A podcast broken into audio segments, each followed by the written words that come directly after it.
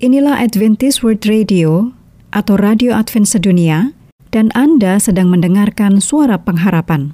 Untuk informasi lebih lanjut, silakan menulis email ke Bible at awr.org atau telepon ke WhatsApp di plus 1 224 222 0777. Inilah Radio Advent Suara Pengharapan yang kami pancarkan dari Pulau Guam melalui siaran dalam bahasa Indonesia.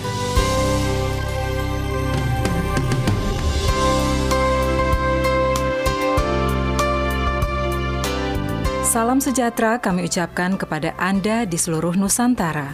Selamat berjumpa kembali dengan Radio Advent Suara Pengharapan. Dengan senang hati kami telah mempersiapkan rangkaian acara yang telah kami sediakan bagi Anda sekeluarga. Harapan kami semoga siaran ini dapat bermanfaat dan menjadi berkat bagi kita semua.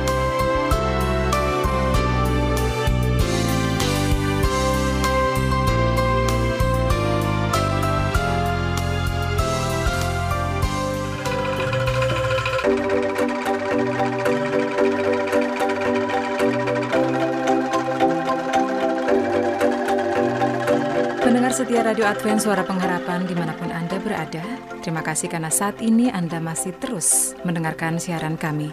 Saat ini kita akan mengikuti satu segmen yang sangat menarik yaitu segmen mendidik anak. Bagi Anda yang telah berkeluarga dan baru saja memiliki anak, atau bagi Anda yang baru memasuki satu rumah tangga baru, segmen ini akan sangat cocok untuk Anda, karena dalam segmen ini akan membahas banyak seputar masalah mendidik anak, serta berbagai tips menarik, juga hal-hal menarik seputar dunia anak. Namun sebelum kita mengikuti acara ini, satu kidung manis akan kami persembahkan untuk Anda.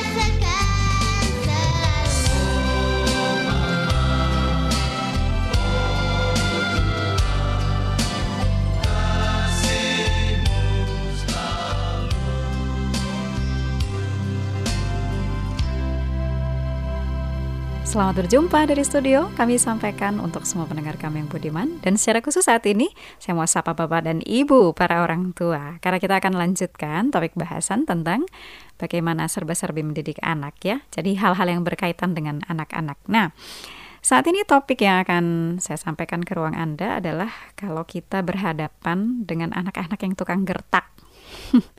Bukan cuma tukang gertak, tapi biasanya jadi pemarah kalau dia... Um, nggak bisa jadi yang nomor satu atau bukan dia pemenangnya. Nah, jadi ini memang biasanya terjadi pada lebih jelas terjadi pada anak-anak di usia sekolah nih.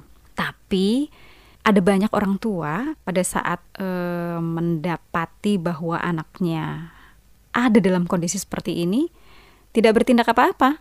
Ya, bahkan kalau ada teguran dari orang tua yang lain, malah dibela anaknya. Nah, jadi apa sebetulnya sikap yang semestinya? Sikap yang semestinya kalau kita kenali bahwa anak kita itu suka melecehkan temannya, dia suka ngegertak temannya, atau dia jadi marah kalau temannya adalah yang uh, pemenang, misalnya mereka melakukan permainan atau pertandingan, temannya yang menang, dia nggak menang, lalu dia jadi marah, jadi ngambek, jadi melakukan eh, aksi-aksi uh, yang tidak semestinya kita harus terima bahwa itu adalah anak kita. Ingat menerima bukan berarti membenarkan ya. Kita terima oh ya, anak A saya ada dalam kondisi yang tidak baik dan dia perlu pertolongan. Kita harus luruskan sedini mungkin. Jangan tunggu sampai karena ada banyak yang memikirkan hal seperti ini. Oh, nanti kalau sudah besar juga sembuh sendiri ya. Itu bukan hal yang bukan pemikiran yang tepat. Nah, saat ini yang saya akan sampaikan kepada para pendengar yang budiman adalah ulasan yang disampaikan oleh ahli keluarga ya, ahli psikolog keluarga Pak John Rosmond. Jadi, anak-anak usia sekolah yang kemudian menunjukkan perilaku seperti ini perlu dibantu. Orang tua harus dengan segera mengambil tindakan. Bukan hanya memberitahu kepada anak bahwa dia harus meminta maaf ya untuk perbuatan yang seperti itu, sikap yang seperti itu, tapi juga harus beritahu kenapa sikap seperti itu adalah sikap yang tidak dapat diterima atau salah ya. Hal-hal yang perlu kita amati dalam hal ini bukan saja yang kita amati secara langsung, tapi kita juga boleh mendapat masukan dari teman-temannya. Kita bekerja sama dengan gurunya yang yang setiap hari ya bertemu dengan dia di sekolah pada jam-jam di mana kita tidak ada. Jadi coba kita bekerja sama dan minta masukan mereka apakah anak kita ini suka ngetawain temennya ya jadi suka ngerjain temennya atau kasar dia sama temennya atau bahkan mungkin kepada orang dewasa juga kadang-kadang ke saya menemukan banyak tuh anak-anak yang bukan saja kasar kepada temannya tapi juga kepada orang dewasa, kepada kakak dari temannya atau bahkan orang tua dari temannya ya. Bahkan juga yang tadi sudah disampaikan kalau misalnya lagi main atau ada pertandingan olahraga terus bukan dia pemenangnya dia jadi marah.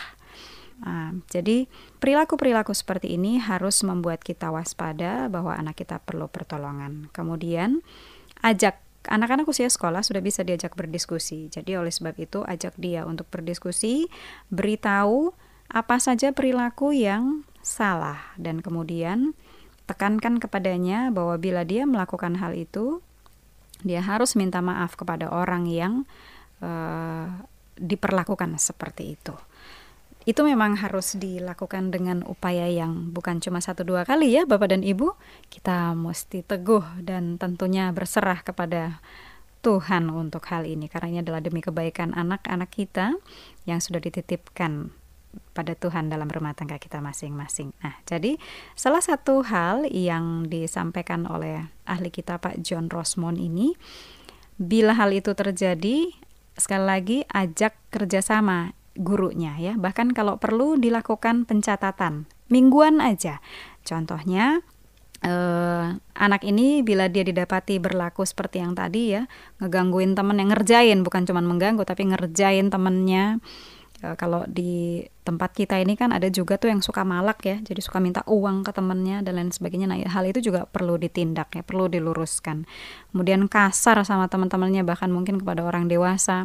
Orang dewasa bukan hanya kakak adik, orang tua, teman, tetapi juga para pegawai di sekolah yang bukan guru, misalnya pegawai administrasi yang membersihkan sekolah dan lain sebagainya harusnya memang tidak boleh diperlakukan kasar oleh anak-anak ya dan tidak boleh dibiarkan.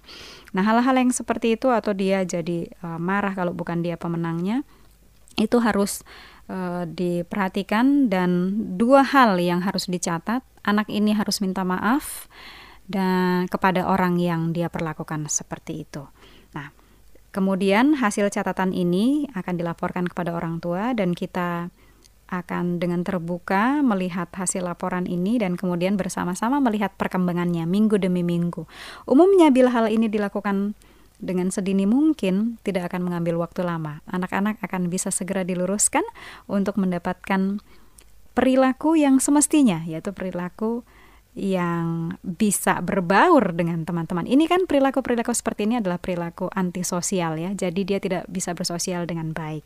Nah, para bapak dan ibu, mudah-mudahan informasi yang singkat ini akan menolong kita untuk membimbing ya bukan cuma mengenali perilaku-perilaku yang harus segera ditindaklanjuti tapi juga membimbing anak-anak kita untuk tumbuh makin e, besar dan kemudian pada saatnya nanti dia akan menjadi pribadi yang membanggakan bukan hanya karena dia bisa bersosial dengan baik, tetapi punya prinsip dan nilai-nilai hidup yang selaras dengan kehendak Allah.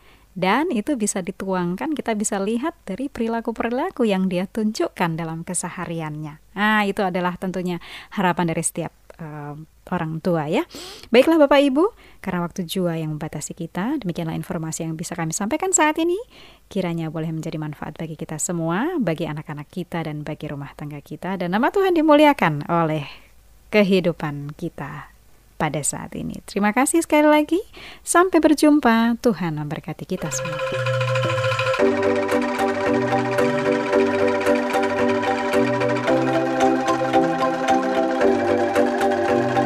Pendengar Radio Advent Suara Pengharapan, demikianlah satu acara yang sangat menarik yang sudah kami persembahkan untuk Anda. Kiranya acara ini bisa menjadi berkat bagi kita semua. Sampai berjumpa pada ruang mendidik anak selanjutnya.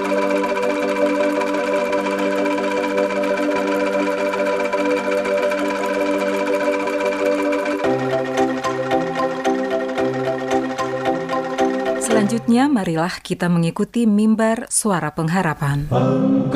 Diri dan bunyikanlah, Yesus mau datang segera. Nyanyi musafir dan pujikanlah, Yesus mau datang segera. Datang segera, Inilah mimbar suara pengharapan dengan tema yang paling berharga. Selamat mendengarkan. Bangsa marah itu tandanya Yesus mau datang segera. Pengetahuan bertambah-tambah Yesus mau datang segera. Datang segera.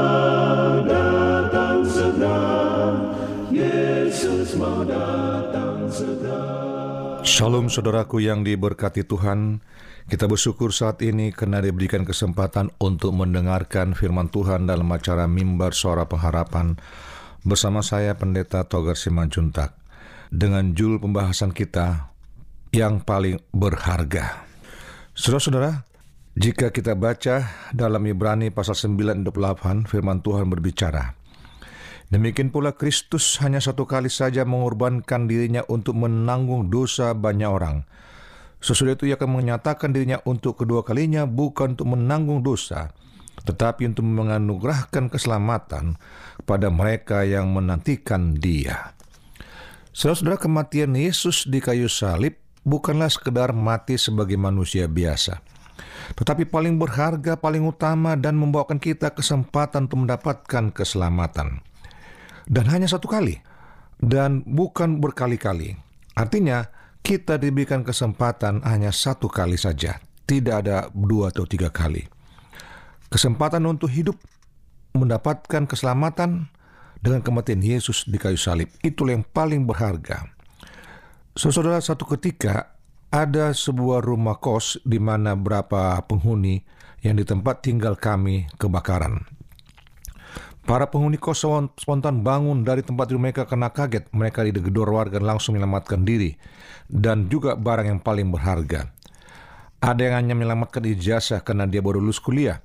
Ada yang menyelamatkan sepeda motor yang paling yang masih kredit. Ada yang menyelamatkan tasnya. Yang paling utama, mereka menyelamatkan apa yang paling berharga di dalam harta mereka saat itu di dalam kamar tersebut. Pakaian pun hanya seadanya saja yang penting mereka menyelamatkan yang paling berharga.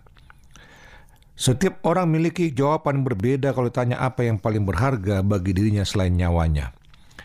Apakah yang paling berharga bagi Kristus dalam kehidupannya? Apa yang paling berharga di dalam kehidupan Yesus sampai dia datang ke dunia ini untuk menyelamatkan saudara dan saya?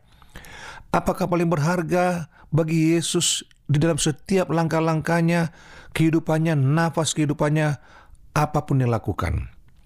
Kalau kita cari jawaban, saudaraku, dalam kasihnya yang paling berharga dalam hidupnya adalah saudara dan saya. Saudara dan saya adalah yang paling berharga di hadapan Yesus, di hadapan Tuhan Allah, di hadapan alam semesta di sorga. Saudara dan saya, itulah yang paling berharga. Karena setiap orang pasti memiliki nilai yang tertentu bagi Tuhan Yesus. Tetapi kalau kita sama manusia mungkin tidak menghargai karena sama kita manusia. Mungkin kita hanya lebih menghargai harta kita daripada orang lain. Tapi bagi Yesus, siapa pun Anda, apa pun kedudukan Anda, apa pun suku bangsa Anda, pendidikan bagi Yesus itu tidak ada masalah. Yang penting bagi dia, Yesus sudah mati di kayu salib untuk menyelamatkan Anda dan saya. Nah, saudaraku, apa yang paling berharga bagi orang-orang yang tinggal tempat kos tersebut bagi masing-masing pihak? Ada orang lebih mengutamakan sepeda motornya, ada orang lebih mengutamakan ijazahnya, ada lebih orang mengutamakan mungkin surat-surat berharganya, atau mungkin emas peraknya. Nah, inilah yang berbeda-beda bagi setiap orang. Tetapi bagi Yesus satu saja, saudara dan saya adalah sangat berharga di hadapannya. Kristus pengantara dari perjanjian yang baru yang memberikan kita suatu kesempatan lepas dari segala dosa, dari kepada kebinasaan. Bagaimana Yesus datang ke dunia ini menggenapi janji Tuhan dalam diberikan dalam kejadian pasal 3 ayat 15. Bagaimana Yesus Allah menjanjikan bahwa akan ada seorang juru selamat lahir untuk menyelamatkan saudara dan saya dari kematian. Semua bagi manusia di dunia ini. Sebelum Yesus menggenapi janjinya telah datang ke dunia ini, bangsa Israel turun-temurun sejak zaman Musa mengorbankan domba jantan atau anak lembu untuk mendapatkan pengampunan bagi yang mampu. Bagi yang tidak mampu mungkinnya seekor burung merpati ataupun tepung sesukat. Ini menunjukkan bagaimana mereka datang kepada Tuhan memohonkan keampunan. Namun setelah Kristus lahir ke dunia ini, menanggung dosa kita dan kemudian mati di kayu salib, maka dikatakan kita orang-orang banyak ingat seluruh dunia tidak lagi datang ke Ka'bah membawa domba bakaran atau anak sampi atau burung merpati sebagai penebus dosa kita yang melambangkan pengorbanan Yesus di kayu salib, melambangkan kematian Yesus untuk menyelamatkan saudara dan saya. Tuhan sudah membuktikan betapa Anda dan saya sangat berharga di hadapannya. Kehidupan kita begitu berharga dan Yesus mau menyelamatkan saudara saya dari kematian yang kekal karena Yesus mau saudara saya berada di sama dengan dia di sampingnya hidup bersama-sama di dalam kerajaan sorga di akhir zaman nanti Walaupun mungkin cara manusia kita tidak layak di hadapan Tuhan, tapi kematian Yesus telah melayakkan kita untuk datang dan disucikan untuk mendapatkan keselamatan. Dan itulah yang membuat kita berharga di hadapan Tuhan, di hadapan Yesus Kristus.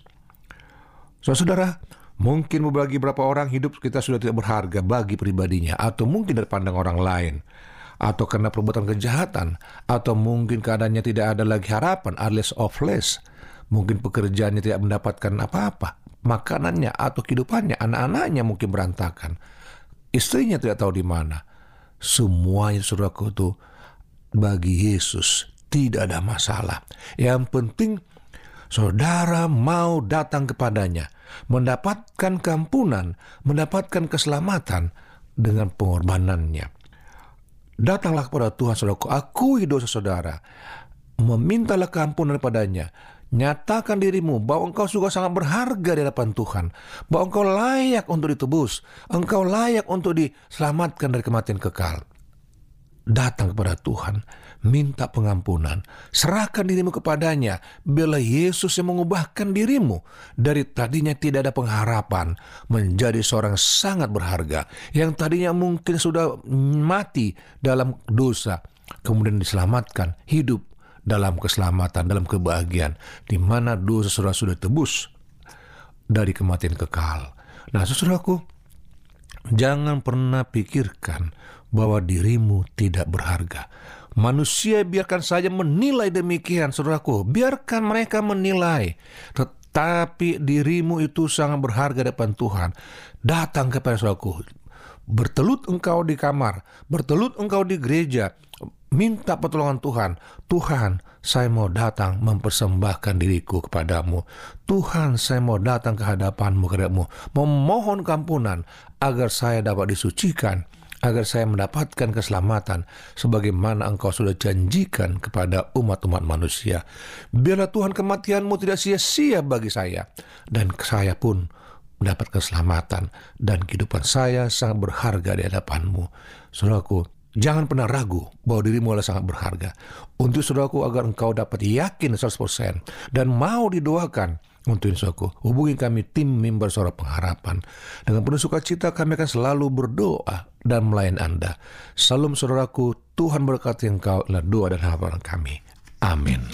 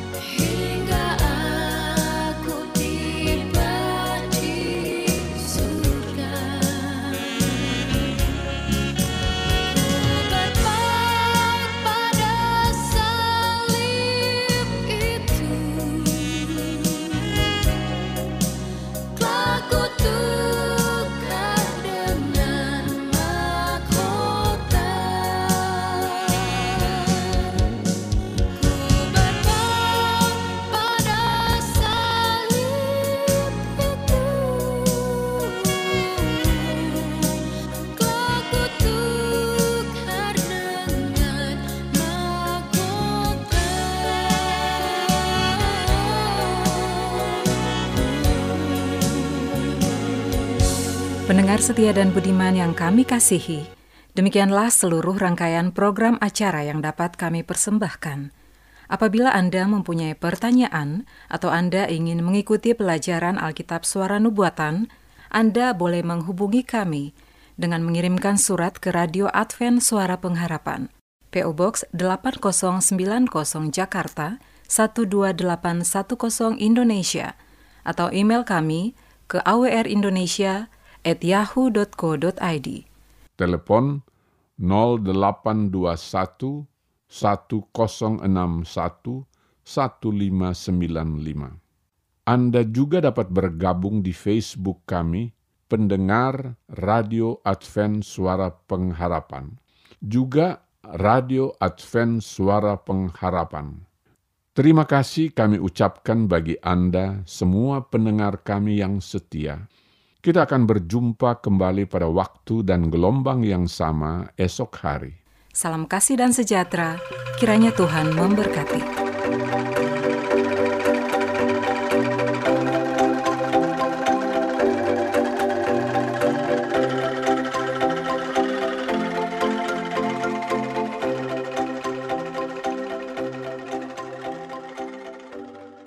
Inilah Adventist World Radio atau Radio Advent Sedunia dan Anda sedang mendengarkan suara pengharapan.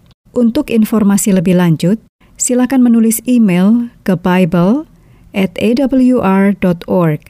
atau telepon ke WhatsApp di plus 1 224 222 0777